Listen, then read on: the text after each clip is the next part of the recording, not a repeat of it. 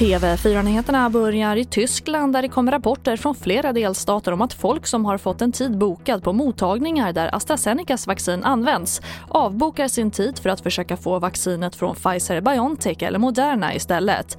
Vår reporter Jonas Källgren är på plats i Tyskland och svarar på varför tyskarna backar. Ja, det är framförallt för att man anser att det här vaccinet inte är lika effektivt som de andra två vaccinen och framförallt då Biontechs vaccin som då också togs fram i Tyskland och där finns det en liten vaccinnationalism hos folk här. Och hoten mot medarbetare i Folkhälsomyndighetens ledning blir allt allvarligare och flera har polisskydd.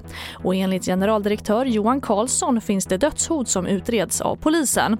Och mest utsatta är personer som deltar i presskonferenser och intervjuer. Och antibiotikaresistenta bakterier frodas i sjukhusens avloppsvatten enligt en ny studie från Göteborgs universitet.